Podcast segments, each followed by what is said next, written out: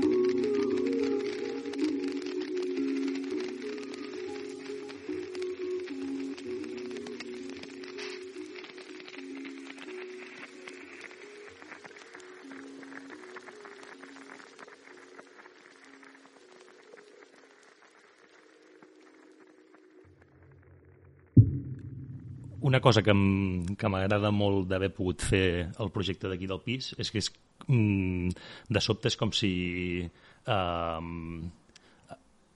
hi hagués hagut un, un pas més en, el, en la tasca que faig d'identificació i de recerca d'arquitectures, de, de, de construccions que m'interessen perquè eh, bueno, generalment hi ha com dos vies. No? Una és, en publicacions d'època localitzes una arquitectura que et sembla que és interessant i llavors un dia fas la, aquesta expedició a veure què queda d'allò no? i tens doncs, sorpreses més o menys grates. No? I, i en altres ocasions vas pel món voltant i de cop et topes amb una cosa que et sembla com super suggerent o interessant i a partir d'aquí doncs, busques que, qui hi ha darrere, què hi ha darrere d'aquell element. A vegades són construccions i a vegades són objectes eh, o interiors, depèn de, de l'ocasió. I de fet, en aquest edifici eh, crec que va ser l'altre dia revisant fotos de, del telèfon, em sembla que devia ser com el, no sé, el 2016 o 2017, una cosa així, el vaig trobar publicat en una revista Cau de l'any 70, a la part del final de la revista feien una cosa molt interessant, que era com unes petites fitxes de, de, de diverses arquitectures que s'havien com realitzat en aquell moment, no?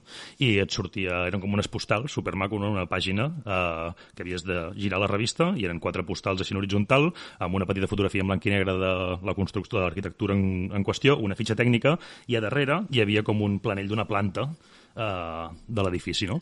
I la referència era segur de Calafell, no et, posa, no, no et diuen les direccions, et diuen la ubicació, l'emplaçament de, pues, del municipi on estiguin.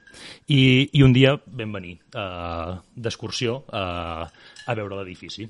I en aquell moment fantasejàvem i dèiem, ostres, ha de ser supercuriós això de veure d'aquí dintre, però teníem com aquesta intuïció d'en plan, hosti, una de les construccions més antigues d'aquí de, de Segur, amb cert caràcter, això deu ser algo que té, doncs, no sé, famílies i que no se'n desprenen, no?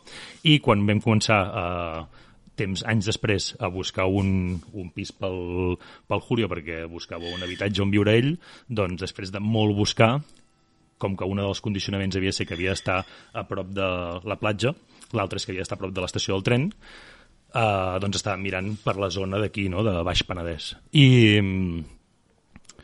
i el que veiem a partir del pressupost amb el que comptàvem era més aviat desolador, no? Veiem unes coses surreals, perquè clar, aquí a la, a la costa, bueno, tot arreu, però a la costa, doncs, durant uns anys es va construir d'una forma molt eh, accelerada, per dir-ho d'alguna manera, i sense cuidar molts, molts detalls, no? I de sobte un dia quan estàvem ja com una mica desanimats amb la idea de trobar alguna cosa i, i en una web d'una immobiliària que em van enviar allò que t'envien un butlletí en plan novedades, uh, vaig veure una foto d'un interior, una cosa raríssima, i dic, però què és això? O sigui, no s'entenia res, no? I era una imatge de, de la sala d'estar de dalt, uh, baranes corbades, amb nivells, en plan això què, què és, i al passar fotos de l'anunci vam veure la part d'aquí fora de la zona comú entres a l'edifici i li vaig dir, tio, però això és el, és l'edifici aquell, i vam sortir pitant cap aquí uh, uh, a veure'l i de seguida va ser en plan, val, eh, era una bona base on treballar. Estava completament... Eh, completament estava molt deixat, portava molts anys tancat, estava molt destruït, però se li veien com, com moltes possibilitats.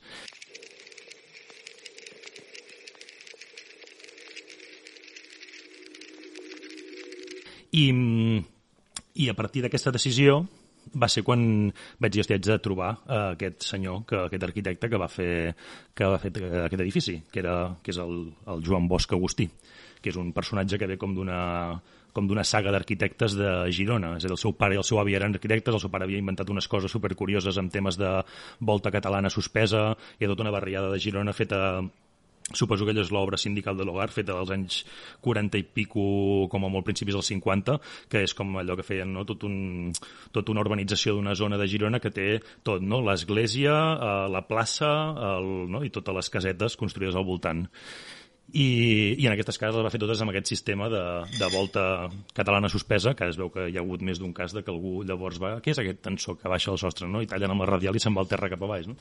I, I llavors tant ell com el seu germà també van fer arquitectura, el germà segueix treballant a la zona de Girona i ell, és, quan va acabar arquitectura a Barcelona, es va quedar instal·lat a Barcelona i va treballar sobretot doncs, a, a Barcelona té diverses coses i per aquí per la costa també en té diverses construccions i a més a més és molt curiós perquè és un senyor que, segons em va explicar, detesta bastant el mar, però, però li ha tocat fer bastant d'arquitectura de, de, de platja. I, I va costar trobar-lo, semblava com que estava com desaparegut, deien algunes informacions, però sí, al final el vaig aconseguir localitzar i va resultar ser un senyor fabulós, no? I de seguida em va dir, sí, sí, quedem a Barcelona i fem un cafè, i en cada una tarda i eh, bueno, el tio estava com doncs, molt sorprès, no? en plan de d'on ve ara aquest noi interessat en això, no? I, i bueno, li vaig, li, vam estar, li vaig estar explicant com la idea que portava i a més a més que volia conèixer més del que havia fet perquè algú que ha fet això ha de tenir alguna cosa més que, que, que sigui interessant i va passar una cosa molt curiosa, que m'agrada molt, perquè és d'aquelles coses com que la, sembla que les doten així com d'una... com cada cop la, els projectes, les històries agafen com una certa, no sé què seria, poètica, no? Perquè aquell mateix dia que vam quedar a Barcelona, eh, quan vaig arribar a Sabadell, eh, estava revisant l'aplicació aquesta de comprar coses i, i vaig trobar una, unes cadires així de fusta i boga, com molt, també molt, així una cosa molt... Eh, molt del racionalisme aquest dels 60, una cosa molt austera, i, i bueno, vaig veure que estaven a Sabadell les cadires i vaig contactar amb aquella gent per comprar les cadires, no? I al cap de, doncs el dia següent, em sembla que va ser això, em sembla que era un dimarts, doncs el dimecres vam anar a buscar les cadires. I, i era un, un edifici que estava en un carrer molt transitat de Sabadell que jo m'havia fixat perquè tenia una banderola de que aquell edifici l'havien d'enderrocar i llavors doncs, la gent que l'habitava doncs, estaven venint les coses de dintre perquè es traslladaven a una altra casa i era com, com un bloc, diguéssim, on hi havia, em sembla que eren quatre habitatges a l'entrar, a l'escala, i em vaig trobar que les làmperes eren les MBM del, del Boigas, Maca i Martorell. De fet, la que hi ha aquí penjada la vaig adquirir també en aquell, en aquell espai. Arrel d'aquestes làmperes no em vaig emportar només les cadires, sinó que vam decidir que tornàvem el, el cap de setmana següent amb més temps a desmuntar totes les làmperes que hi havia a l'escala. Em sembla hi havia quatre d'aquestes làmperes. I mentre jo estava desmuntant una d'aquestes làmperes, el Julio obre una porta d'un altre d'aquests habitatges de, de l'edifici i em diu, però Guillem, mira això. I entro allà dintre i dic, però què, què vol dir això? O sigui, qui, qui ho va fer, aquest apartament? Era una cosa increïble. I els senyors aquells, el matrimoni, aquell gran, em diu, això, un, un amic nostre, un amic que era arquitecte però és molt gran, eh? està jubilat de fa molts anys, i li dic com es diu ell, i em diu Joan Bosch, i dic, però sí, vaig estar amb ell el dimarts, i em diu, ostres, tu ets el noi de Calafell, que fora, ens trobem un cop per setmana i estava super emocionat d'haver-te conegut, tal, i l'apartament era guapíssim, com estava solucionat, no? Havia tingut com un passadís supergran, i ell havia tret els armaris empotrats cap al passadís per guanyar espai a les habitacions, però no els havia fet res fins al sostre, tipus aquest d'aquí, i generava aquest espai entre l'armari i el sostre que et servia com de lleixa, com per ficar, no sé, doncs unes unes, uns, alguns gadgets o una cosa d'alguns decoratius i, i bueno, hi havia solucions molt boges d'espai. Eh? L'habitació de matrimoni era un llit alçat, que llavors la part de baix servia per emmagatzematge, era una cosa increïble. Vaig anar a gravar-ho molt mal gravat amb els meus mitjans abans de que l'enderroquessin, més que estaven fent ja la, el trasllat, vull dir que el panorama era bastant dramàtic, però també vaig aconseguir eh, d'allà els poms d'Antoni de Moragas, aquests que feia Bolinacs, que estan aquí a les portes, també van sortir d'aquell d'aquell mateix pis, que m'agradava molt aquests petits gestos de dir, hosti, una decisió que va prendre ell per un apartament que ara desapareix, doncs pel que jo ara intervindré, li, li podré, els podré tornar a, a ubicar. I, i arrel d'aquesta trobada amb els seus amics i tot això, em va enviar una cosa supermaca, ja us la passaré, eh, on sortim, un fotomontatge va fer, on sortim en, a, la, a la taula com del cafè on vam prendre el cafè el primer dia, eh, estem asseguts eh, el seu amic de Sabadell, en Joan Bosch, l'arquitecte, Carl Jung, i jo, jo amb una bafarada d'aquestes de còmic on surt la imatge de l'edifici tret del Google Maps i, i hi ha una frase baix que diu alguna així com eh, la teoria que Jung va fer sobre ostres, com era? El, el concepte és que és molt perquè no és, no és casualitat, és el bueno, ja em sortirà, doncs eh, es va formalitzar el dia tal del tal en el cafè tal, no? I mm, sincronia, la sincronia. Cada cop hi ha coses que quan tu les provoques es connecten, no? I, i va sempre no estic en detall, quin, quin senyor tan, tan fabulós.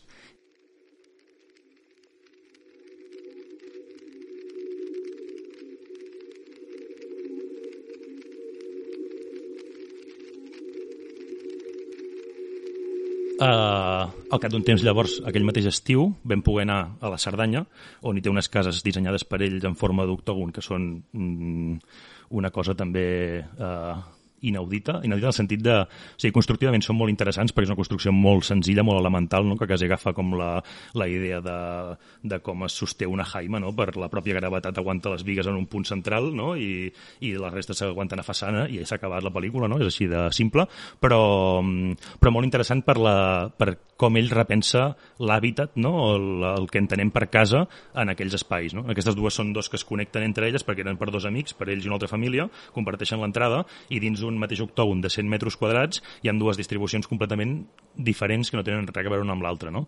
I aquest jugar amb les mitges alçades i tal doncs permet, no sé, una sala d'estar central amb la xamaneia que presideix tota la, tota l'estança aquella però per defecte la casa perquè és tota molt oberta i a sota d'aquesta sala d'estar central que també té forma d'octògon no, inscrit en, en el de les façanes hi ha doncs, tot d'espai de magatzematge que són els, els armaris dels dormitoris i els dormitoris que van a façana funcionen com camarots gairebé, no? és a dir, l'espai que és el dormitori de, amb llit de matrimoni necessites una porta per accedir a cada banda del llit, o sigui, no, és ben bé la, la llargada de dos metres de, del llit queda entre façana i la paret paret que genera el passadís que dona al voltant aquesta sala d'estar.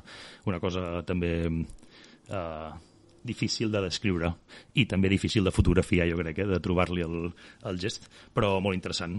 Eh, una amiga que viu allà a, a, a Llívia em deia, però on heu anat? I li explicava, dic, no, unes cases que hi han... Ah, però si a mi un senyor d'aquí de Llívia em va dir que allò havia sigut una... era una antiga duana francesa, no? I l'aspecte de la. perquè a més a més són, són, no són dues, són tres cases, dues queden a un costat d'un camí i l'altra a l'altra banda, no? i són cases pintades de color verd amb els porticons vermells, guapíssim, i pel mig passa aquest camí, no? i podia ser un pas fronterer, i semblava com si hagués una cosa de, no sé, de l'administració o alguna cosa, una cosa, bueno, i ja, ja, ja diu de, de l'aspecte que té la cosa, no? quan ho veus no, no, no remet a una... Però estan molt bé, molt integrades amb el, amb el paisatge, és una cosa com intenta... Ell tenia molt aquesta... Um, preocupació que no va aconseguir portar-la mai a terme, que era això tan dramàtic que es veu, per exemple, aquí a Segur, no? que vas pujant la muntanya i està tota menjada d'urbanitzacions, no? Ell ho va intentar en una ocasió, que hi havia un client que volia una casa molt atrevida, però no tan atrevida com ell li va proposar, que ell el que li deia era, en la teva parcel·la escarbem i la casa va soterrada, o sigui, des del carrer tu no veuràs la casa, no? Així creia que havien de ser totes les organitzacions perquè tu no et carregaves el paisatge, perquè més a més, clar, amb els amb les il·lusions o mm, desitjos que té cadascú, cadascú fa la, l'aportació més forta que la del costat, no? I que vas per aquests entorns, no? I pues, hi ha moments en què resulta una mica hostil, no? El que veus és en plan, ostres, no sé si, no sé si té molt interès això perquè, perquè ho veiem tots, però... Bueno. Hi ha, o sigui, aquesta experimentació com de moltes capes d'informació, no? De, de jugar amb aquestes mitges alçades que ja complica molt, i li deies que no, no entenc com pots dibuixar un plano d'això, no? Quan tens un plano que, que si veus una planta té no sé quants elements més per sota, però a més a més ell va tenir durant molt temps i això passava en el, en el pis aquest que vaig descobrir a Sabadell abans que l'enderroquessin també passava, passa absolutament a la, a la seva casa aquesta de la Cerdanya que ell durant molts anys defensava la idea que les cases s'hi havia de viure sense mobles no? i llavors tot havia de ser constructiu i mm, és fort aquella casa de la Cerdanya, tot i tenir capacitat com per dormir, em sembla que són 30 persones, quan reconverteixes els sofàs en, en, en llits i això, eh, l'únic que hi havia d'element que tu poguessis moure eren sis cadires, diria, del voltant d'una taula. La resta tot era, tot era fixa, tot era de, de pròpia estructura. Ara diu que creu que és exactament el contrari, eh? Fa una revisió, perquè encara estava treballant com un projecte amb el seu gendre i estava dissenyant com la casa que ell creia que havia de ser, que havia de ser com un cub de 7 per 7 per 7, on tu poguessis fer les plantes que necessitessis, les divisions que volguessis, i que les cases han d'estar lliures a tot, perquè si vols cada any eh, no? eh, reemplaçar-ho tot i convertir tot de mobles nous. Però sí que té, tenia molta... Molta habilitat, jo entenc, o molta visió a l'hora d'entendre coses tipus, tu tens com aquí, no?, un, es veu més a la part de dalt que aquí baix, però tu tens un espai de, em sembla que són 20 metres quadrats, no?, la part de dalt, eh, molt estret, perquè la part més ampla fa, em sembla que són, eh, no arriba a ser 3 metres i la part estreta fa un metre, no? l'habitatge fa un, un triangle, i, i el fet de que a la meitat de l'espai de cop el sostre puja a una altra alçada, allò et dona una amplitud que, que no es aconseguiria amb un, amb un sostre pla. I, I amb això sí que sabia com trobar aquestes... com, com abocar aquestes, eh, aquests elements perquè l'espai et provoqui sensacions, no d'alguna manera, o que tinguis eh, diferents percepcions, perquè al final això està resolt en molt pocs metres quadrats, però sembla com que pots gaudir de molts ambients, no? Un, un, en un pis, diguéssim, convencional de 50 metres quadrats, doncs eh, queda com molt limitat, no? No té, no té massa joc no, no és per una qüestió de distribució de peces sense què, sinó eh, doncs estàs tu aquí habitant això i tu estàs en un punt de la casa i l'altre està a l'altre i sembla que, que, que hi ha la intimitat suficient com perquè varia gent pugui fer la seva, eh, la seva vida sense interferir-se, no? Els apartaments de dalt també són molt interessants perquè és, ell em va explicar, quan li van encarregar aquest projecte, jo diria que aquest és el, devia ser el, la cinc, el cinquè edifici que projectava després de sortir de la carrera Després explicaré coses d'altres edificis anteriors que, que parla molt del que ell proposava i de com això eh, ha esdevingut. Um, quan li encarregaven uh, un, un projecte, suposo que això ho fa qualsevol arquitecte, espero que sigui així, doncs eh, mirava la, la forma del terreny, en aquest cas el terreny tenia una mena de forma com de cunya, estranya, perquè a més quedava com eh, quasi a tres carrers, no? i eh, buscava el, el solejament òptim eh, i a partir d'aquí començava a treballar. També amb la premissa de que fos molt barat, molt barat, molt barat, diu ell. I, i aquí es va trobar amb un promotor que era un senyor, un noi jove en aquell moment, i aquest requeria d'una cosa diferent, o sigui, ell volia que algú li fes una cosa doncs, que no fos el, uh, un, un bloc d'habitatges convencional, no? I, bueno, es van, va haver-hi una bona trobada en, en aquest sentit. Llavors, uh, la seva premissa era és una arquitectura d'estiu, no vull escales interiors. No? I d'aquí és d'on surten aquests dos accessos que té l'edifici, que són dos eh, nivells intermitjos, no? un està aquí entre el que seria la planta, diguéssim, la 0 i la 1, perquè ens entenguem, i l'altre accés, que és l'elevat, que és per l'escala de cargol cap amunt, doncs dona accés a la planta que seria la, la 2 i mig, i la, entre la 2 i la 3. Llavors, en aquest accés, que, que allò, no sé si podrem pujar després a veure però que és guapíssim el joc d'ombres que fa i, com, i les vistes que té, allà són tot un, un continu de portes que et donen accés a 10 apartaments diferents. Quan tu obres les portes hi ha un que està estructurat que va cap amunt, obres una porta i escales que pugen, obres una porta i escales que baixen. I llavors, dins del que és la planta del, del propi apartament sempre hi ha un desnivell d'un metro entre la part de darrere i la part de davant de, de l'edifici. No? Llavors, que passen coses interessants perquè a l'hora d'estructurar de, de, un forma de vano aconseguia doncs, que els 21 apartaments que hi ha aquí ficats, que no ho sembla però són déu nhi eh, tots tinguessin una orientació pràcticament idèntica, o sigui, tots tinguessin l'orientació òptima, tots tinguessin la ventilació creuada no? de, de sud cap, a, cap al nord, i a més a més jugar una altra cosa, que jo això no sé si ell ho preveia o no en el projecte, però que a mi em sembla com molt interessant, que és un edifici que en aquest sentit perd aquesta càrrega com a autoritària de la, que té pròpiament l'arquitectura de la façana principal, no? Perquè tu aquí la, el que tu veuries com a façana principal és eh, la que dona, diguéssim, mirant a mar, però que quan tu accedeixes a l'edifici accedeixes per al que seria la, la part de darrere, perquè ja és una part on hi ha serveis i habitacions, diguéssim, secundàries, no? Llavors, en aquest, és com si revertís aquesta idea de la gran portalada d'accés, no? Dona la presència a l'edifici, no? Ho reverteix d'alguna forma. Li vaig enviar les fotografies ahir, que just el, el Pol me les acabava d'enviar feia un parell de dies, i encara no les havia pogut jo ni revisar, i li vaig fer un mail perquè ho veiés, però bueno, teníem pendent que semblava que a ell també li feia gràcia que vingués a visitar-ho, perquè des de l'any 70 que van acabar amb el projecte no hi ha tornat més. Llavors, eh, esperem que sí, que un dia vingui a, a veure-ho. I a més a més trobo que, que forces dels veïns que viuen aquí saben que habiten un lloc especial Llavors jo crec que els hi faria com gràcia, no? Coneixeu? Estaria molt bé, a més a més, perquè com sempre passa, passa amb la història del disseny i passa amb la història de l'arquitectura i amb tot, no? Que com que això té aquest aspecte, eh, inclús l'altre dia al Wallapop sortia un pis d'aquí que està en venda, no? I ficava un edifici de arquitecto Bofill Júnior, i, i és en Pat Nova, el senyor Bufill va fer coses superinteressants, ningú ho ficarà en dubte, bueno, jo no ho ficaré en dubte, però, però no només ell feia coses interessants, hi havia altra gent també proposant coses, no? L'únic que ha quedat també en un...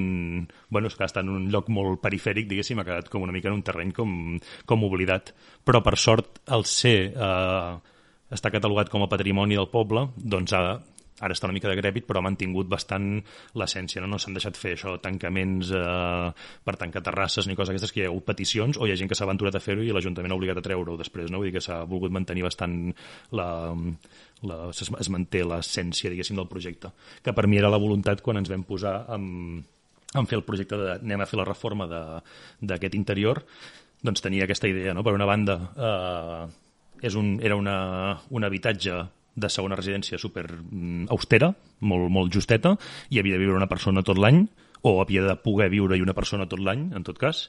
Llavors això necessitava d'uns altres... Eh, d'algunes bueno, millores en alguns aspectes i, i per altra banda tenia aquesta voluntat de recuperar com el que havia sigut la, la seva proposta, no? I en alguns casos enfatitzar-la, perquè bueno, tot el joc aquest amb el DM i Hidròfug, eh, que, perdó, Ignífug, que, que donava el to gairebé calcat del que havien sigut les portes del seu moment o de les portes armari de fusteria de l'interior de la casa, del rodapeus, etc, que anaven pintats d'un vermellós que pràcticament era, era idèntic, no?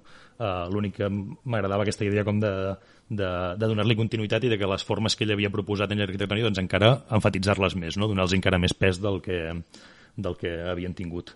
I, Bueno, i a part d'això, doncs, llavors, intentar equipar-lo amb, amb, amb alguns serveis que la casa no comptava, no? Poder fer una cuina molt més completa, perquè la que hi havia era molt essencial, diguéssim, molt mínima, i, i intentar també millorar coses a nivell de, de tancaments, perquè, bueno, l'hivern aquí al costat del mar no és molt cru, però, però si ha de viure algú sempre, doncs es necessita que hi hagi un, unes condicions eh, millorades i, i vam fer aquests petits gestos sense intentar eh, que fossin imperceptibles, vaja, que si tu veus ara no et sembli que aquí hi ha hagut una, un, una intervenció agressiva, no? el guanyar-li aquests metres a l'habitació desplaçant els tancaments cap a fora, doncs eh, aparentment doncs, no em sembla que trontolli, diguéssim, no? i no, no, no desmereix el seu projecte. Tot i que ell és molt desapegau, ella diu, feu el que vulgueu allà, perquè li demanava consell amb algunes coses, això... ell ja va acabar l'edifici, era, ja està, home.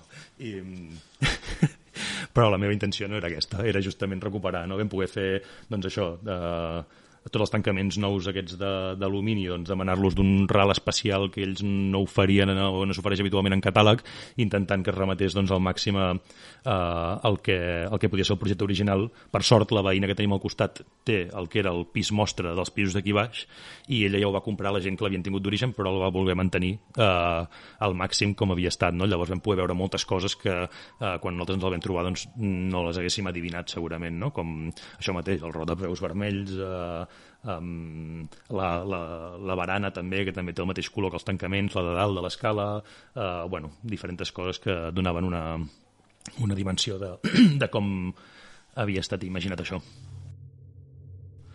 Temps després, quan ja estàvem liats amb el tema de la compra del, del, del pis, un dia buscant una informació per una altra feina que estava fent, en una altra revista diferent, Hogares Modernos, em vaig trobar un reportatge de 5 pàgines sobre aquest edifici i em, em vaig quedar al·lucinat perquè, a més a més, no, és, no era molt habitual, a mi em sembla, i, i, i me'ls he mirat bastant tots, que hi, que hi hagués com un com un reportatge tan extens sobre una arquitectura, no? I quan treballàvem molt el tema de, dels interiors i el disseny i tal, i unes fotos guapíssimes, en blanc i negre, amb unes perspectives brutal, i era tot un, un reportatge molt ben fet uh, d'aquest uh, edifici just acabat de construir, que encara apareixen en els balcons la, els cartells de no? venta d'apartamentos. I, I es veuen interiors, però es veuen interiors dels pisos superiors, no dels aquí baix no es veu cap imatge, i a més a més tot eren imatges en blanc i negre. Perquè amb això hem tingut un, una dificultat afegida, que no sé si espero algun dia la pugui solventar perquè em faria molta il·lusió poder consultar quina és la documentació original, que és aquest senyor fa, quan va tancar l'estudi fa no sé quan, 8-10 anys, va donar tota la seva documentació al Col·legi d'Arquitectes a l'Arxiu Històric. Però els arxius doncs, van amb, amb, amb molta càrrega afegida per les possibilitats, suposo, que tenen per gestionar les documentacions i això no és consultable encara. Llavors, eh, sorprenentment, l'Ajuntament de Calafell té un edifici que el té catalogat com a patrimoni del poble, però han perdut l'expedient d'aquest edifici. Per tant, tu te'n vas allà, el sol·licites, et passes mesos trucant, trucant, trucant, i l'arxiver no troba l'expedient d'aquest edifici que no sé com es perd això, no? A part que, a més a més, em va semblar super interessant, perquè això no m'havia passat mai en cap ajuntament, que és que, a més a més, em feien pagar per consultar-lo. Que és, jo tenia entès que això és informació pública, però, bueno, eh, t'havies de pagar no sé quina xifra per consultar-lo, eh, i, a més a més, llavors, si volies una digitalització d'algú, doncs havies de pagar-la, això és normal, vull dir, és un gasto afegit, no? Però, però sí, sí, no, vaig, no he aconseguit mai veure cap eh, documentació eh, original de, de no? la dota de misteri, quasi, no? I, i bé, eh, suposo que sí que en algun moment acabarà per una via o una altra sent localitzable la, la, la informació aquesta. Clar, és que en realitat tot, tot comença com amb els...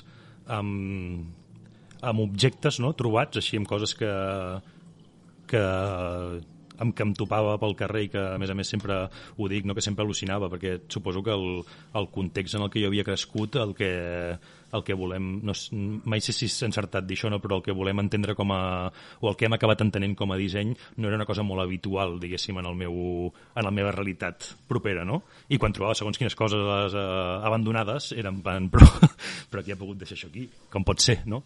Jo això ho preservo. I, i, i va començar tot així i, i durant molts anys ha evolucionat fins a, fins a arribar a un punt en el que, en el que no estàs, diguéssim, eh, dotant de relat i d'història un, un objecte, un element que és una cosa mòbil, sinó que pots intervenir eh, en, en un espai mm, no? en, una, en aquest cas crec que és interessant distingir entre, en aquest cas jo li diria, en una arquitectura, perquè altres cops he intervingut construccions, i crec que això és intervenir en una arquitectura, perquè em sembla que té unes qualitats diferents una cosa que l'altra, i, i a més, en aquest espai, doncs, poder-hi doncs, eh, introduir part de l'altra faceta, diguéssim, apresa, que és el treball amb, pròpiament amb els, amb els objectes, no? I, i hi ha com, com una trobada, a més del que apuntaves, diguéssim, d'aquesta idea de, de que sempre està implícita de recerca i de memòria, no? Vull dir, el, mm, més rodó no hagués pogut ser de, de poder arribar a localitzar eh, a l'autor que ha fet això i poder eh, doncs, eh, conversar amb ell, perquè en altres experiències que hem tingut prèvies, de coses que es van intentar fa temps, doncs hagués sigut molt interessant accedir als arquitectes, però en molts casos no van voler rebre'ns, no? Llavors, eh, trobar una persona que, que a més a més pren com una mica de, com, com de distància cap a l'escena arquitectura d'alguna manera, no sé si això avui no vull que tampoc es, es malinterpreti, però em sembla com molt noble per part seva, de com la gestiona, no? aquesta, aquesta posició d'arquitecte, um, va generar una, un encaix no? en el que d'alguna manera estàs, com, estàs interlocutant amb una persona amb la que d'alguna forma t'hi sents com identificat també, no? I té aquest pes de, del que sempre m'interessa al final, que són aquests relats, diguéssim, com de segona fila, com, com desatesos, no? Que han anat quedant allà com ocults, no? I, i que dius, ostres, però és que... Eh, no, no és poc el que va mm, proposar aquesta persona com per, com a mínim, eh, conèixer o tenir-ho eh, present no? com, a, com una aportació més. No? Al final, cada autor aporta una visió i, unes, i uns elements diferents a, en, en una construcció d'un relat conjunt, no entenc jo. I en aquí és molt maca la trobar també precisament això, no? en, en, entre l'arquitectura, els espais i, i els objectes, no? i em sembla que cadascun d'ells no, m'agrada més pensar-ho així que no pensar que n'hi ha uns que són bons i uns que no ho són i que llavors uns es posen de relleu i els altres no, no? Hi ha com aquí com... S'hi creuen molts elements de, també de la intimitat de cadascú i tal, on juga aquest paper, com li diuen això, la fortuna crítica, etc. no? Doncs que, que, bé, que en aquest sentit em, em sentia com molt identificat justament intervenint aquest espai, no l'altre de no sé qui, no? I,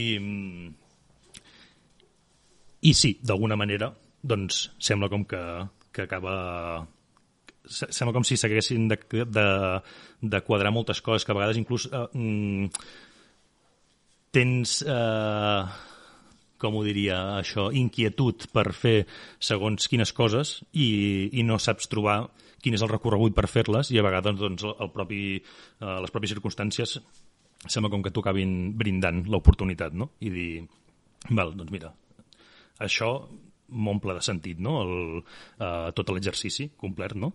I, bueno, i, i a més a més que a partir de d'ara jo ser part d'aquesta arquitectura en concret, no? perquè sempre que habitem un lloc doncs, som part de la història d'aquell espai, doncs espero també poder fer algun gest més per poder eh, doncs, no sé si posar-la de relleu o, o mantenir o millorar la, la, seva, la seva existència.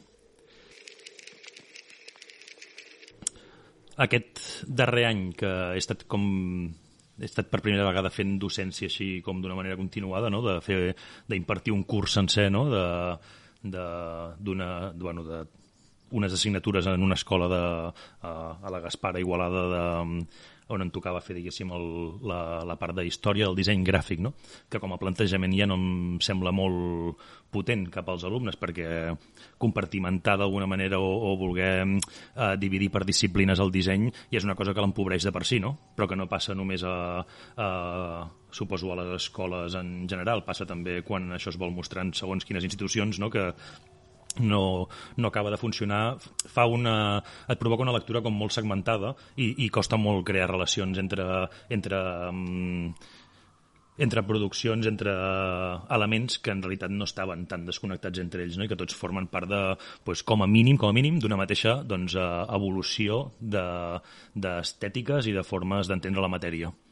Uh, bueno, amb aquest mateix edifici passa, no? Veus els edificis del senyor Joan Bosch uh, de l'any 65 i les jugades a nivell de, uh, doncs de, de com s'aventura, diguéssim, a, enriquir aquest primer racionalisme que fa ell, doncs, hosti, uh, impacta, no? Veure com en 10 anys o en 5 anys o tal hi ha una evolució molt bèstia amb les formes, que això no està deslligat tampoc de qui estava en aquell moment fent mobles o de qui estava fent cartells, no? Llavors, a lo que anava, que em vaig per les branques, um, poent fer aquesta assignatura durant tot un curs no? i veient com tu planteges allò a, a aquella gent que tens allà que esperen rebre doncs, algun coneixements que els hi siguin útils, és quan crec que m'he entès més de com eh, si per una cosa m'interessa la història és perquè et permet eh, trobar formes de treball a partir d'ella no és, el, no, no és només que també està molt bé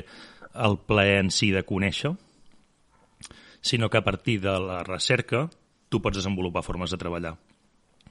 Mm, si, és a dir, part de, de les eh, de les, dels elements, diguéssim, que a vegades proposo, sigui en un interior o sigui com en un objecte o sigui eh, durant una classe, és un, és, hi, ha, hi ha una retroalimentació, és a dir, jo prenc uns coneixements d'una cosa que va passar fa X temps, a través dels testimonis, a través de documentació, a través del que sigui, i això m'agrada que sigui eh, el que em permet o necessito jo formalitzar-ho amb una altra cosa perquè es doti realment de sentit, no? Perquè és, és molt és molt fàcil eh, que la història acabi desactivant les històries, no? Llavors, trobar les maneres d'activar-la, intentar com eh, distanciar-se, inclús, no sé si... Això és complicat, eh, de distingir, de, anava a dir, certa nostàlgia, però és que hi ha nostàlgia que és molt activadora, també. Però, bueno, hi ha molts cops que és, que és complicat, no? Que de cop, mm, quan tu vols eh, homenatjar no sé què, ho, ho desactives, ho, ho, ho petrifiques, no? I queda com una cosa que ja no és, que ja no és viva, no? I aquí perds, eh, perds moltes possibilitats sobre allò, no? Llavors, eh, m'agrada, doncs, això des de des d'un Uh, des d'una solució constructiva que jo l'entenc obsoleta i que segurament ho és, doncs pensar una nova possibilitat cap a aquella solució constructiva perquè de cop passi a ser un element d'interiorisme. Això és una cosa que, que m'interessa, no? I, i, i, I revises aquesta història i entens per què allò potser ja no té raó de ser com s'havia plantejat, però li trobes un nou, un nou ús, un, un nou espai, no? Perquè i, i amb això pot ser aconsegueixis aquest fet de que això no es dissolgui, no es perdi de... Mm, perquè sí, i, i ja està. Quan a vegades li expliques a la gent això, et diuen, ah, però això, això és de família, no? De, vull dir, no? Com que ho has heredat, vull dir, en plan, no sé, tens un pare que és antiquari i tu et fas antiquari, no? I dic, ostres, uh, clar, a casa meva sí que d'alguna manera vaig entendre que era uh, dissenyar per la tasca que feia el meu pare, no? perquè ell dissenyava eh, packagings, coses especials, diguéssim, amb paper i cartró, que era la seva fixació en aquell moment, no? mobiliari amb cartró, no sé què, i, i sí que veus una persona que dibuixa i que llavors això, això ho porta, ho formalitza, no? ho materialitza. I alguna vivència anterior també, molt sutil, que llavors he pensat, hosti, potser això em va obrir els ulls, o, o clar, hi havia llibres, no?, en, que de cop estaves allà un dissabte i miraves un llibre i deies, hosti, què, què és això que acabo de descobrir aquí, no? Me'n recordo molt, en concret, del dia que vaig agafar un llibre que es ficava Bauhaus, no? I era en plan, però... I, i aquests flipats que feien aquí, mare mia. I a partir d'aquí doncs, es van obrir moltes, moltes vies. Però, però la fascinació, així com cap a l'objecte de jo vaig pel carrer, em trobo una cosa i l'haig de retenir, diguéssim, perquè jo sé que en les meves, en les meves mans estarà eh, en bones mans i si la deixo allà, el seu destí és que es destrueixi, Suposo que amb les primeres coses que em vaig començar a fixar, que era com el mobiliari molt que es... No sé si això un dia ho sabré explicar bé o no, però del que en podem dir disseny pop, que tinc molts dubtes de, de com s'ha d'explicar això, però uh, potser algun dia uh, uh, ho entendré millor. Doncs em sembla que tenien una càrrega, diguéssim, de...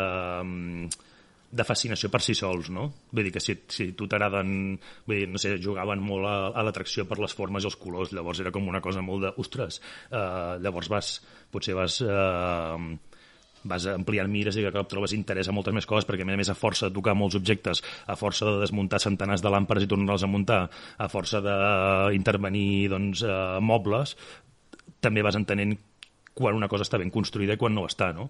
I, i, i et dona una dimensió diferent d'aquell objecte, no és una qüestió només purament esteta de dir, buah, això em, em meravella, sinó de dir, ostres, això està molt ben picat, això està...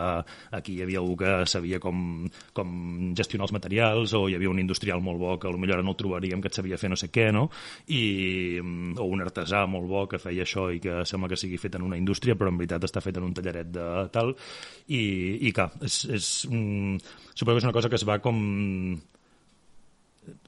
va, va creixent a, a mida que vas eh, entrant i més no? cap a amb ells i, i llavors es va com derivant també per algunes feines que he fet a que puguis també anar entenent una mica més sense estar anys llum de, de, de poder diguéssim entendre a nivell tècnic segurament com funcionen les càrregues d'un edifici no sé què, però que puguis entendre també què passa allà no? Vull me'n recordo que estàvem fent les obres d'aquí i hi havia una humitat en un sostre i el paleta va començar a picar i em truca Guillem, que és que aquest sostre estava fet per ser vist, era obra vista.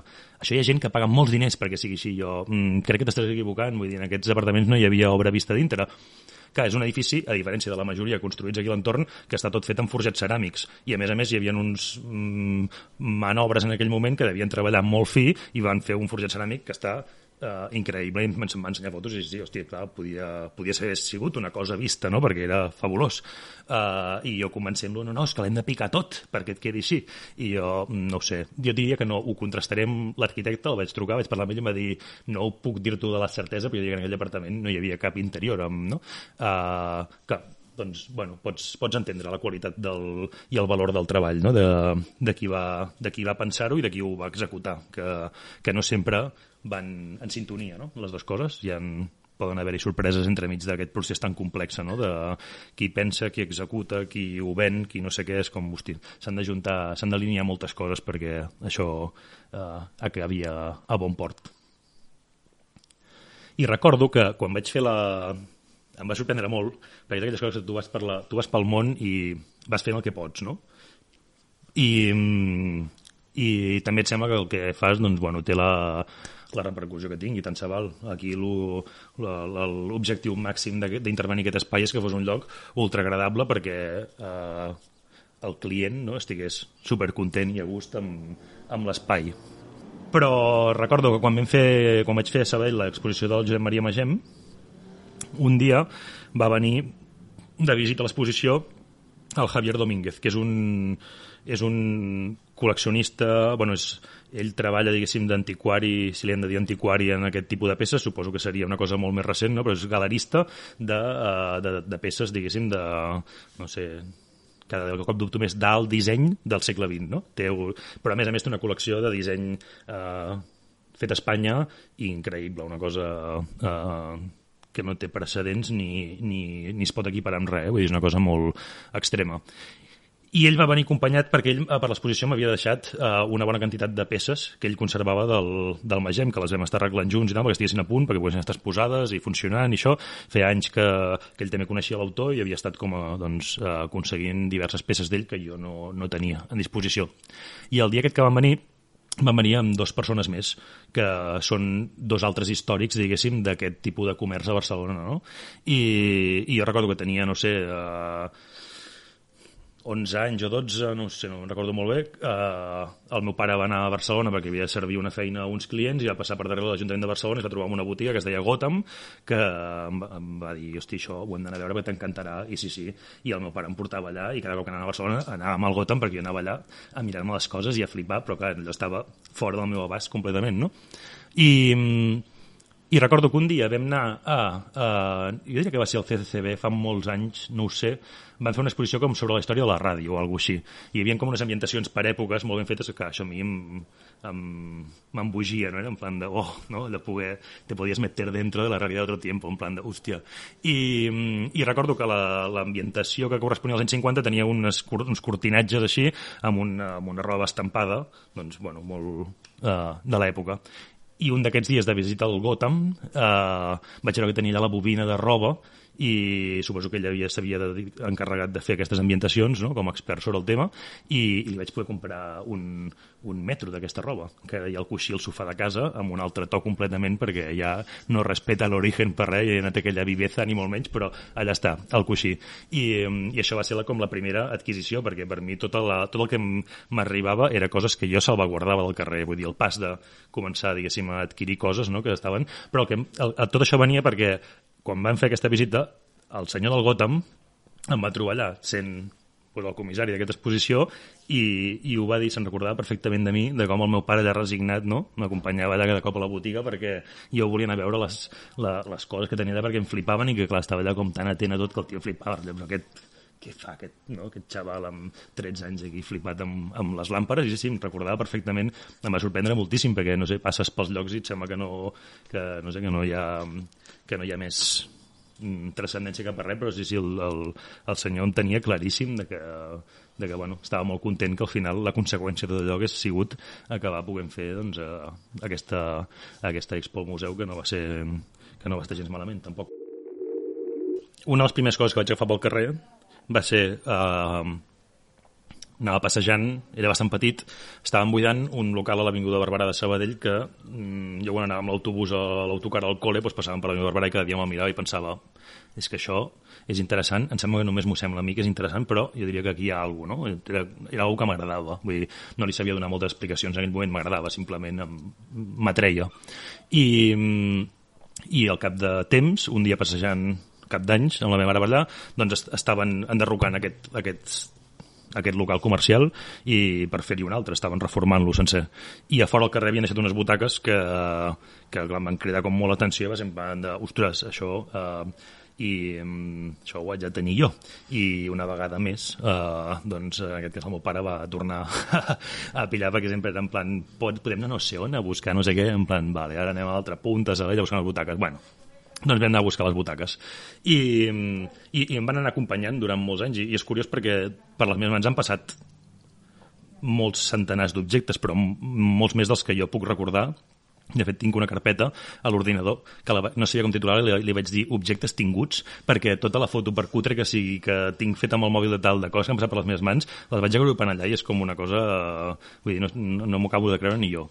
I, i curiosament aquestes butaques mai me n'havia desfet d'elles. Sempre havien anat, eh, havien anat acompanyant eh, primer estaven a la meva habitació eh, quan vivia els meus pares, quan vaig anar a la seva me la vaig emportar allà, a totes les cases on he estat m'acompanyaven les butaques. I inclús un dia vaig decidir que, bueno, que després de 15 anys de tenir-les o de 12 anys no sé quants, potser era el moment de restaurar-les no? i donar-los una, una segona vida una mica més digna. I sí, sí, les vaig desmuntar, vam restaurar la fibra de vidre, els vam tornar a tapissar i bueno, doncs en aquell temps jo estava eh, fent eh, estava començant a entrevistar-me amb el Josep Maria Magem perquè tot va començar de la revista on participava a Sabadell de quaderns eh, quadern de les idees, les arts i les lletres vaig voler parlar del que havia estat el moment de, de l'entitat de Caixa Sabadell, havia hagut, a mi em semblava que hi havia hagut com una mena d'eclusió de, de modernitat, no? Hi havia unes oficines com molt atrevides, una gràfica molt arriscada i més per ser una entitat d'estalvi, no? que sembla que és una cosa com molt conservadora, doncs veia allà com molts elements i, i el, el joier de Sabadell, el Fidel Roca, em va dir eh, que ell tenia botiga, diguéssim, just davant d'on l'havia tingut el, el Magem, em va dir que aquell senyor feia moltes làmperes, tal, i sí, un dia en una publicació de, que feia el sindicat de banistes això, va aparèixer allà un anunci d'unes làmperes supercurioses i anava firmat JM Magem, no? I vaig dir, hosti, pues, tenia raó aquest home. Vaig a, tal. I vaig fer algunes gestions per localitzar-lo i vaig donar amb ell. Ell ja, en aquell moment ja s'havia jubilat i em va rebre a casa seva i en aquell moment li anava a preguntar exclusivament per Caixa Sabadell, però clar, al començar a treure alguns anuncis que he trobat amb làmperes seves i tal, doncs el relat aquí anava, anava creixent, no? i era, aquest senyor qui és, no? que com pot ser, no, no he sentit mai a parlar d'ell, i pel que m'està dient ha estat 50 anys treballant com a dissenyador de, industrial i d'interiors, i en plan, ostres, aquí hi ha un, aquí hi ha un superrelato, no? Quan més endavant em vaig decidir fer un màster, vaig pensar, dic, eh, el projecte final del màster, que era investigació en art i disseny, és el moment per aprofundir amb l'obra i la figura d'aquest personatge. Llavors van créixer les entrevistes i en una d'aquestes entrevistes m'explica que el seu primer eh, treball d'interiorisme, de l'any 67, 68, havia estat un eh, taller de ficar ràdios als cotxes a l'Avinguda Barberà. I vaig dir, però no m'ho puc creure, o sigui, el que a mi m'agradava tant era teu, i, i li vaig dir, però jo tinc això, i hosti, sí, sí, aquestes butaques les vam ficar a la sala d'espera pels clients, no?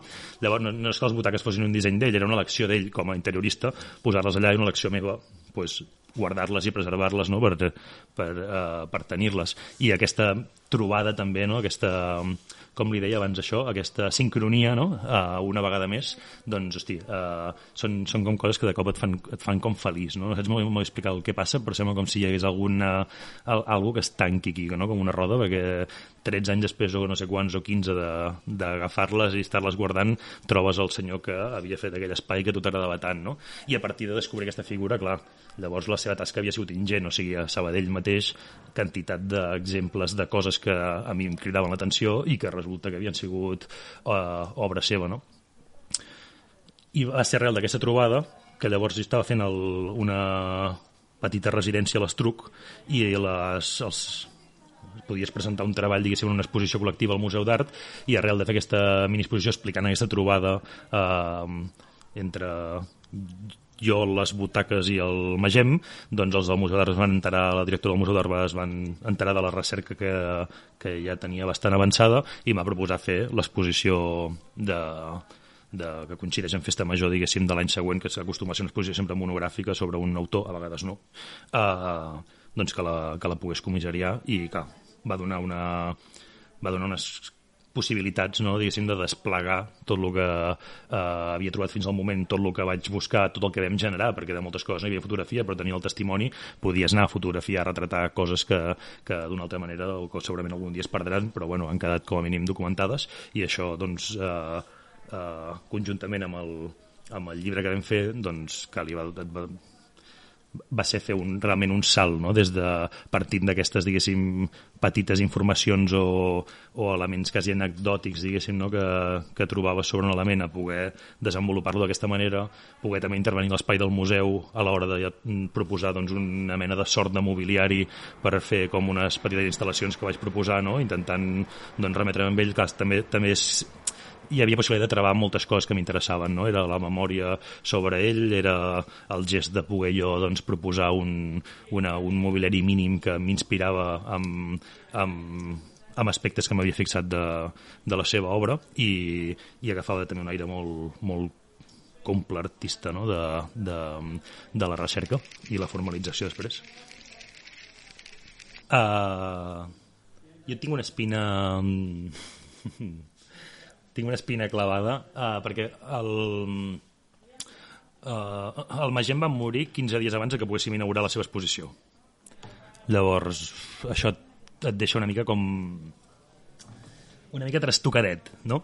perquè estàs fent com molta feina amb aquella persona eh, durant anys, no? i quan arriba el moment també també t'ajuda de, de cop a reflexionar i a pensar has de distingir, no? Dir, que has, has establert una relació amb aquella persona, si diuen que s'ha mort, doncs et sap greu, molt greu, perquè hi havia una, una relació doncs, durant un temps bastant eh, continuada per poder eh, doncs, també consultar-li coses i contrastar coses, etc eh, que tu, no, tu no, està, no li estaves fent una exposició per ell, sinó estaves fent una exposició sobre ell, no? o sobre la meva visió sobre la seva feina més concretament, més que, més que volgués ser una mena de, de retrospectiva a l'uso, era com, eh, la meva, com jo té com jo he percebut no, la, la, la trobada amb tu, això és el que intentava explicar en l'exposició, amb més o menys sort, però el que intentava explicar. Um, i, i clar, has de, has de com de reflexionar coses, no? Perquè al final això també et paralitza, no?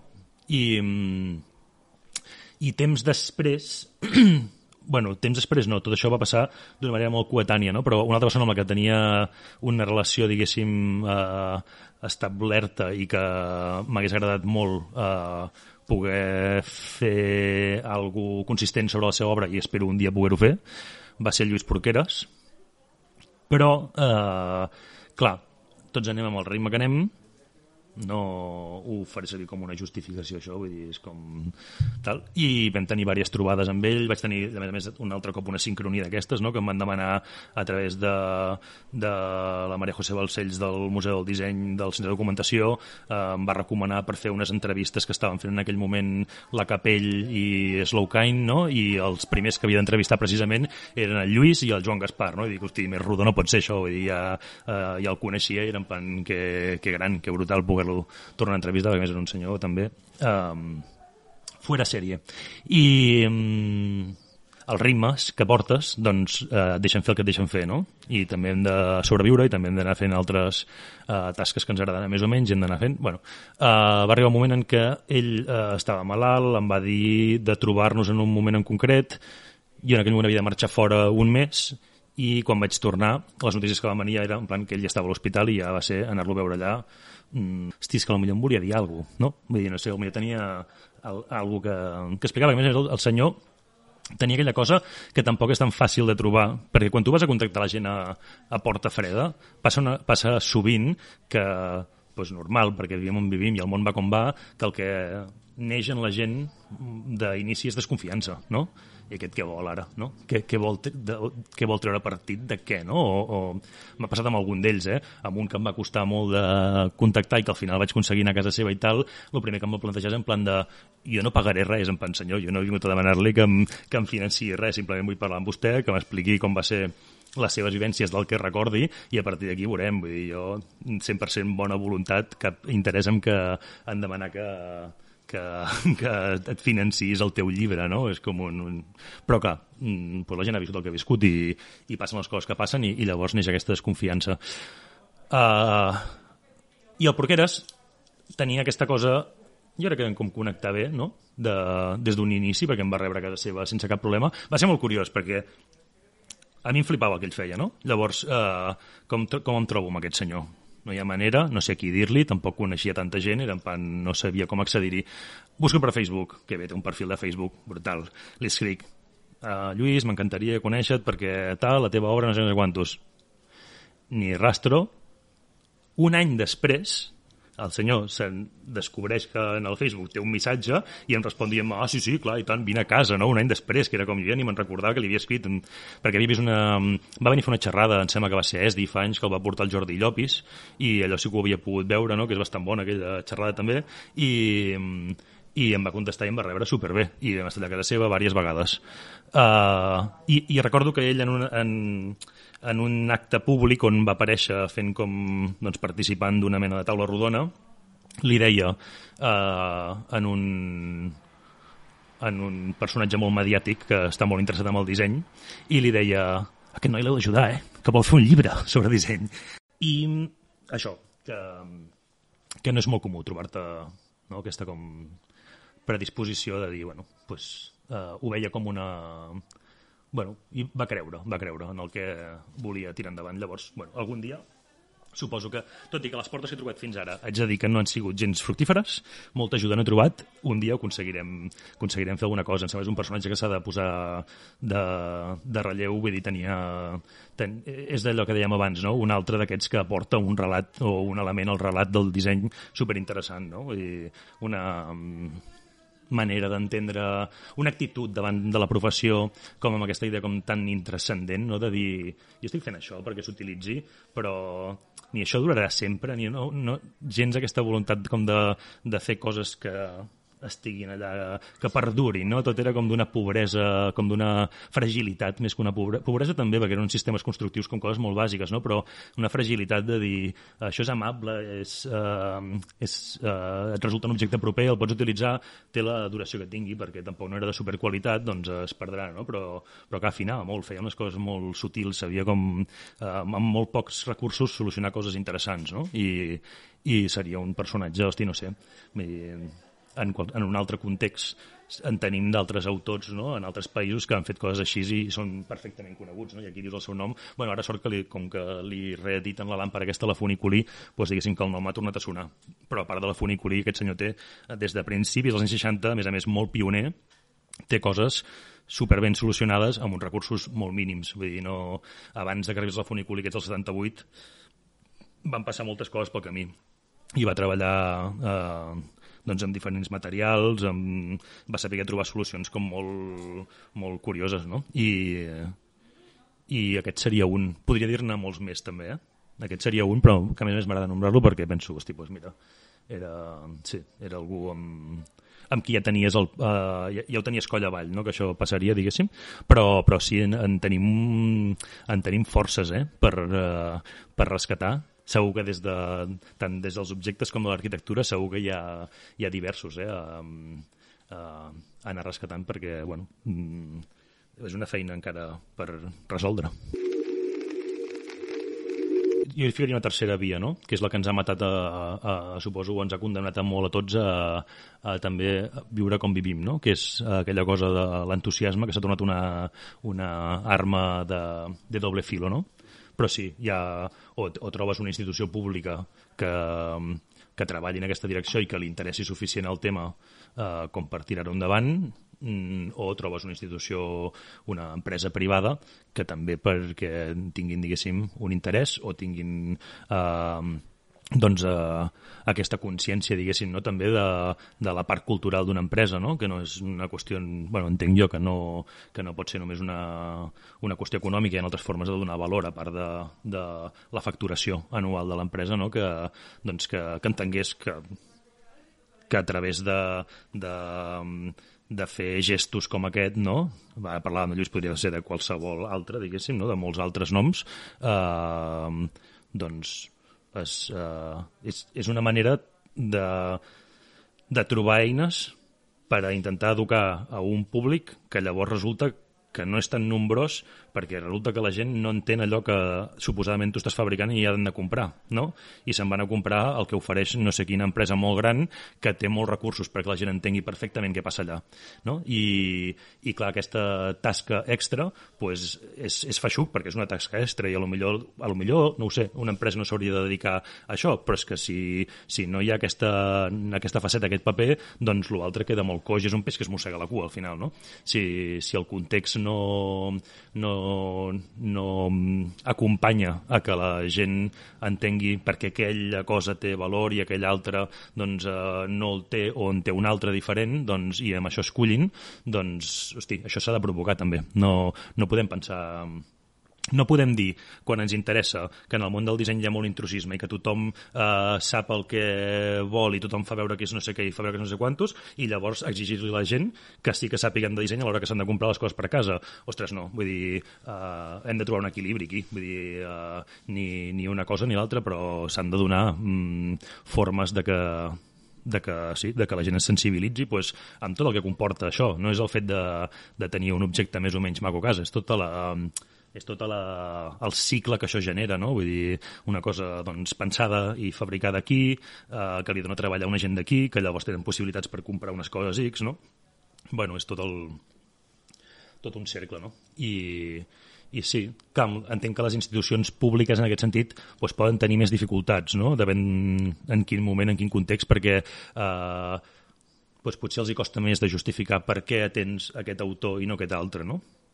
Però les empreses privades mm, suposo que poden fer el que els hi, el que els hi sembli més convenient sense, sense haver de donar explicacions a ningú, que per això són autosuficients no? i no viuen de, de, de diner públic. No?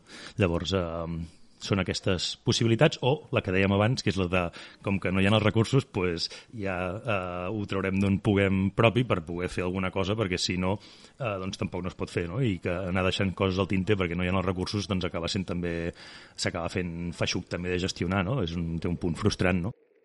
S'estan gestant eh, coses interessants i, i d'alguna d'elles jo hi estic participant i, i, eh, i és molt interessant que malgrat hagi portat tant temps prendre consciència no, de, doncs, de quin valor o quina transcendència tenien, per exemple, els documents d'arxiu no, de treball d'una persona i, i, amb, i amb aquesta inconsciència o, o poca visió sobre les possibilitats d'aquells documents s'hagin deixat perdre quantitat i quantitat i quantitat de, de històries de treball de gent superinteressant. Uh, això ha sigut el, com el pa de cada dia, no? aquí amb, amb molts autors en el tema que estem ara tenint, diguéssim, de, de diferents uh, tipologies de disseny.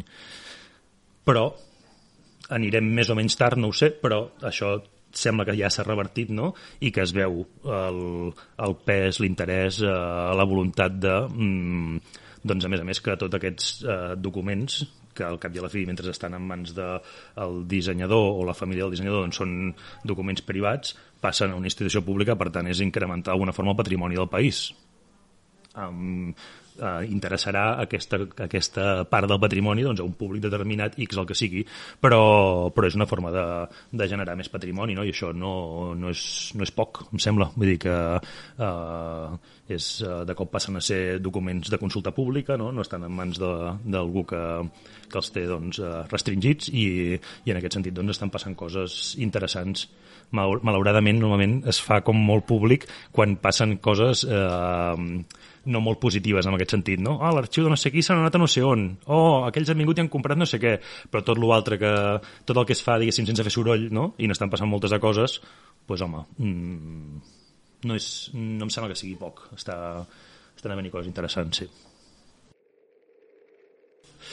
Sí, perquè entre, entre tot això que hem anat parlant, uh, pues, pues un dia em vaig plantejar que, que, que volia intentar fer una tesis però clar, sense també pues, mm, autofinançada, diguéssim, no? Bueno, uh, és, el que, és el que ens toca. Um, llavors, uh, la meva tesis, si la aconsegueixo tirar endavant amb èxit, de moment m'està costant molt trobar el temps per fer-ho, però si ho aconsegueixo fer, uh, m'agradaria parlar sobre una cosa que també em va començar com a fascinar molt de petit. Sembla que estigui com resolent coses, no? A vegades, en plan, allò que...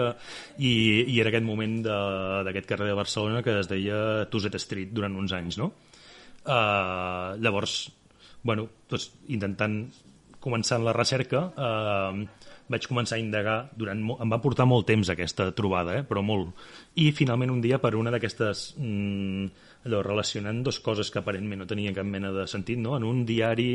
Eh, Uh, no sé quin era, algun diari de Bilbao havia publicat que una botiga de pantalles de làmperes havia fet la inauguració i en la inauguració havia assistit el gran decorador Gallardo. I, i clar, jo havia vist que el Gallardo havia fet el, uh, algunes intervencions importants a principis dels anys 70 a Bilbao, no? però no en sabia res d'on estava. I, um, y bueno, pues vaig trucar a la botiga aquesta. ¿Este Gallardo del que hablan es Joaquín Gallardo? Sí, sí, es él. Ya le diremos para que se ponga en contacto contigo.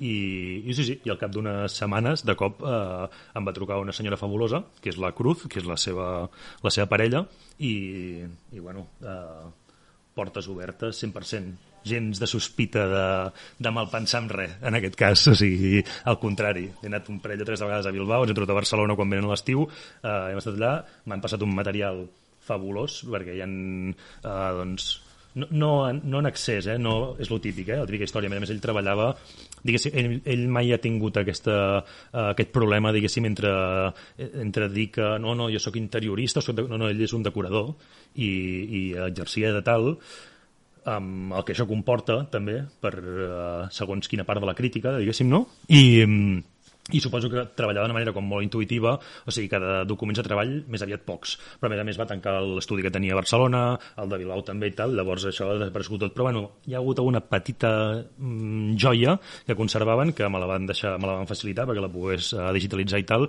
i ostres, uh, són al, al final uh, la història de del carrer Tuset de Barcelona quan li deien Tuset Street és una cosa certament efímera, no és una cosa que s'extengui molt en el temps, vull dir, té una durada molt curta, no sé si ningú és capaç de dir quan una cosa aquesta exactament comença i quan acaba, però bueno, eh, molt mm, poc valorada o inclús molt despreciada per segons quina, quines figures importants de Barcelona també, no? com de, com, potser és una cosa molt de Barcelona, no? del que hi ha aquí, doncs també ens passa també amb el que dèiem del patrimoni, no? el d'aquí no té prou valor, no? és en plan de, eh, no, allò no va ser res, no? A, a Sabadell les cases angleses els treballadors se les han patat totes o quasi bé totes perquè diuen que allò no té prou valor arquitectònic i és en plan, ja, que no en tenim un altre de patrimoni, només és aquest, o sigui, si et carregues aquest i les fàbriques, doncs ha acabat el, el caràcter de la ciutat, vull dir que no pots inventar-te sí, no sé, ja sé que ens agrada més conservar mansions eh, que expliquen moltes coses més que una casa austera i tal, però és que si el patrimoni que hi ha és aquest, doncs no, te'l, bueno, no es pot fer una altra cosa. Doncs amb això mateix jo penso una miqueta, que hi ha aquesta actitud de, de, com de de, no sé si és despreci, és com de menys tenir una mica el que ha passat de bueno, això no, no va tenir més importància i, i ostres, quan relaciones coses eh, minúscules perquè totes són com coses molt minúscules doncs déu-n'hi-do el, el teixit que generes no? de, de, d'una cosa que potser va tenir més pes pel que ha esdevingut després eh, eh, una forma de fer a nivell de ser d'oci, de comerç, etc etc, que pròpiament el que millor es va poder gestar allà, no? Uh, a lo millor va, don va donar-li més empaque o més uh, caràcter com els de fora imaginaven que era allò que el que pròpiament es vivia allà pot ser que també ho sigui és que depèn molt també d'amb qui parlis que hi ha testimonis que ho recorden com un moment uh, gloriós de la seva vida i n'hi ha d'altres que et diuen allò no tenia cap mena d'importància, no? que això és la percepció de cadascú, no es pot posar en, en dubte tampoc. I, mm, i bé, tot això venia de, de que, eh, no ho he explicat, però bueno, que el Joaquín Gallardo va ser el que va fer, diguéssim, doncs, eh, com a mínim tres dels establiments més emblemàtics d'aquest carrer, no? en uns anys molt determinats, eh, i, i van ser en part els establiments que li van donar caràcter al carrer com per dir, hòstia, en aquest carrer de Barcelona passen coses diferents que la resta de la ciutat, no? I aquí ha, alguna es veu diferent, alguna cosa succeeix, no? De, eh, bueno, a nivell doncs, això tant de la gent que hi habitava com el que es proposaven aquells comerços com, eh, com l'aspecte que va agafar el, aquest minicarrer no? I, i bé, la, va, va ser una va ser una una descoberta interessant. Sí. Llàstima que vagi tan lent que no li hagi pogut fer cap retorn amb ell encara de dir és això que he escrit sobre tu, no? En plan, a veure que, com ho veus, no? Però, però m'agrada aquesta figura de um, personatge com mm, desplaçat completament, sembla, com del, del relat, diguéssim, del que seria, doncs, si s'hagués de fer un, un, una història del disseny local, doncs no, no sé si estaria inclòs o no, i, i a la vegada... Eh, hosti, no sé, hi ha, hi ha algú molt de... Hi ha algú molt de, de d'intuïtiu, d'atrevit, de pioner en el que ell va fer, que és en plan... Mm, és interessant, no sé encara em costa explicar-ho, suposo que per això no, he, no he aconseguit deixar-me escriure-ho, però, però hi ha un, hi ha un tema interessant. Inclús les rèpliques, no? Com llavors quan es trasllada a Bilbao, no? Sembla com una altra ciutat més eh, petita, potser, o, o menys connectada amb Europa, rebia millor aquests inputs que Barcelona que tenia uns altres eh, personatges que portaven una altra tipologia d'elements no? i en canvi allà doncs, es va poder desenvolupar cal que el tosset de Barcelona a Bilbao va tenir com una mena de rèplica no? amb el que li deien la calle pop que va ser una cosa com molt, molt boja molt boja que a més si la penses en el, el Bilbao de l'any 70 o 71 no? que, que era una ciutat mmm, difícil de, de digerir, jo entenc, i d'evitar també, perquè era, ostres, devia ser molt dura. vull dir, aquella, in, aquella uh, injecció de color allà, no?, i de, i de um, com de vitalitat i d'alegria, no devia ser poc, suposo. ahir em van dir si, si el que feia era desvandalisme i em va agradar molt el, el, el concepte. No sé, no sé si seria aquest eh, en concret, però, però hi havia una... La idea era com... Uh, bueno, al final hi ha una qüestió, és a dir, què, què considerem i què no considerem doncs, patrimoni, no? I tenim un, un paisatge que ens envolta, que ens acompanya, que, que d'alguna manera doncs, nosaltres en som part també, no? I, i que en aquest sentit jo, amb els meus interessos eh, doncs, eh, abocats, diguéssim, a l'objecte, no? doncs, anava com detectant eh, peces que estaven com aquell que diu desateses abandonades a l'espai públic i jo pensava això té suficient qualitat no? com perquè eh, estigués eh, en, en òptimes condicions perquè a més quan desmembres un objecte de cop pot ser qualsevol cosa no? Això aquest any a Igualada amb uns alumnes ho vam estar com treballant i amb el puto virus aquest doncs es va quedar com a mitges la cosa, no? perquè al voltant de l'edifici de l'escola d'Igualada, que és una antiga fàbrica, hi ha com unes estructures, no? i el primer dia quan vaig arribar allà que m'havien d'entrevistar per la feina em van trobar com, uh, com atrapat mirant les estructures i en plan, què fas? I, ah, hola, sóc el profe. Bueno, i, i sí, em va quedar allà la cosa com en això s'ha de fer alguna cosa, no? Eren, són unes estructures també com de tub quadrat de ferro que tenen uns aros eh, paral·lels al terra i en algun lloc hi ha com algun resquici, algun tros de que allà hi havia hagut una instal·lació elèctrica. No? Llavors vas sumant i dius, vale, doncs eren uns fanals, tenen tot el sentit perquè estan com a les entrades del perímetre de l'edifici, no? uns fanals dobles que portaven com dos globus cadascun. I amb els alumnes els hi vaig, eh, vaig decidir doncs, que féssim recerca sobre això, recerca sobre, la, sobre el propi edifici de l'escola, perquè comencéssim a fer història des de nosaltres mateixos, no? des de lo més proper que ens toca, i el que dèiem abans, tu estàs habitant aquest espai, ara formaràs part de la història intrínseca d'aquest eh, àmbit, doncs eh, investiguem sobre això, i hòstia, un, un dels alumnes eh, va descobrir coses com que el seu avi era eh, un de...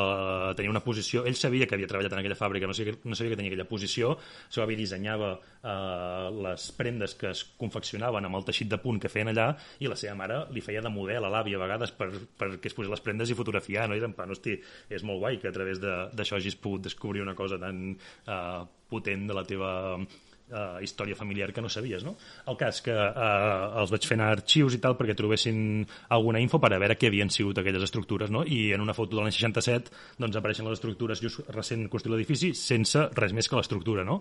A l'any 84, buscant informació sobre la fàbrica del davant, que era una meravella que hi havia d'Igualada que se l'han patat sencera, una cosa increïble també, i inclús com catalogada com a patrimoni, però ni, ni la catalogació pues, està com deja d'estar, és igual, vull dir, si venen alguns a fer un supermercat, pues, eh, pues deu ser de lo millor que fem també en aquest país, supermercats, o sigui que per què no? I, i uh, buscant informació d'això hi havia una fitxa del, de, del Departament de Patrimoni de la Generalitat fet l'any 84 des de l'escola, de manera que al primer pla sortia una estructura d'aquestes i es veia l'altre edifici darrere eh, i les estructures seguien sense tenir cap més element de res, no? I era en plan...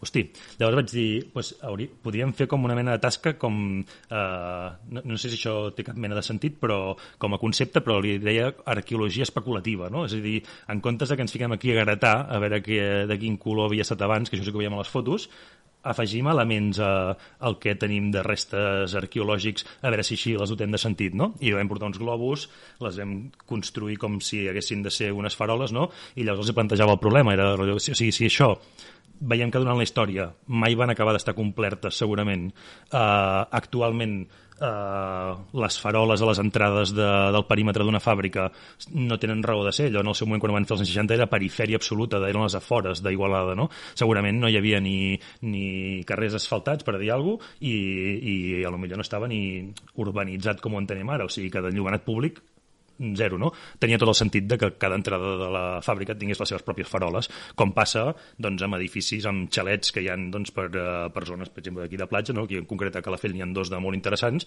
que els dos tenen la seva farola a l'entrada feta per, com a part de projecte de, dels arquitectes, no? Dissenyaven també la farola de l'entrada perquè havies de tenir alguna per veure en un context on no hi havia cap mena de, de, de, de servei ni d'il·luminació. I mm, i els hi deia amb ells, quina, quina raó té de ser que, que ens fiquem ara no, a, a restaurar això uh, si mai va tenir la funció que millor per la que estava prevista, no? Podíem imaginar noves funcions, no? I va ser a partir d'aquí que vam començar com a dibuixar idees de, de què podien servir aquelles estructures que a la vegada, doncs, hosti, eliminar-les no, perquè tenen una composició gràfica superinteressant com a, com a element que complementa aquella arquitectura, doncs busquem-ne altres, no? I van sortir, doncs, bueno, el que se'ns va quedar mitges i no vam poder fer mai, que era, doncs, convertim-les en uns eh, suports per plantes, per ficar més vegetació a aquesta entrada, que és molt hostil així, no? En un pàrquing i tal, eh, però també havia sortit la possibilitat, no? Perquè no, pot ser una canasta de bàsquet i, i altres idees que van sortir, no? Com a suport d'un rètol, d'un no sé què, i era interessant. Però, bueno, tota aquesta idea, diguéssim, de proposar això a classe, no? de, de fer-los fer aquest exercici sobre un element que, a més a més, doncs la majoria d'ells, fins al dia que els hi vaig dir, us heu fixat en allò de baix, tothom passava i ningú es mirava qui eren aquells ferros, no? Um, venia d'unes accions que ja havia començat a fer abans i que he seguit fent després, que és, eh, doncs, aquests elements acostumen a ser sempre doncs, eh, llums, amb una funció quasi de fanal, diguéssim, que estan més o menys a la via pública, és a dir, que no m'haig d'introduir gaire dins d'una propietat privada i on eh, doncs, eh, sent previ aviso jo apareixo i les completo perquè eh, tornin a tenir el seu aspecte i funció que tenien en, eh, en origen. Em sembla que estan en contextos em sembla que sí que és interessant que mantinguin el, la, la funció que tenien d'origen i i bueno, és, és, és curiós. Sempre eh, tens doncs, eh, alguns eh, retorns interessants amb això, no? Vull dir, me'n recordo una molt eh, particular a Sabadell que portava molts anys sense globo, però la recordo fa molt temps, llavors algú, clar, com que era un aro de ferro, algú s'hi va penjar i el va trencar, no? llavors havia de fer allà com uns invents per tornar-la a juntar, però el que em va flipar va ser que quan vaig posar la bombeta es va encendre, no? o sigui, portava eh, 15 anys encès a la làmpara, no? i poses el globo, te'n vas donar una volta i quan tornes en plan, a veure si algú mira, estava apagada. Vull dir que de cop algú va veure que allà hi havia una làmpara i la va apagar, no? És com... I, i, I no sé, té, té, té joc aquesta cosa de dir, bueno, doncs, eh, per què no sortir a l'espai públic en comptes de fer pitjores a fer millores, no? D'alguna manera mm, participem d'això, de aquest element. Thank you.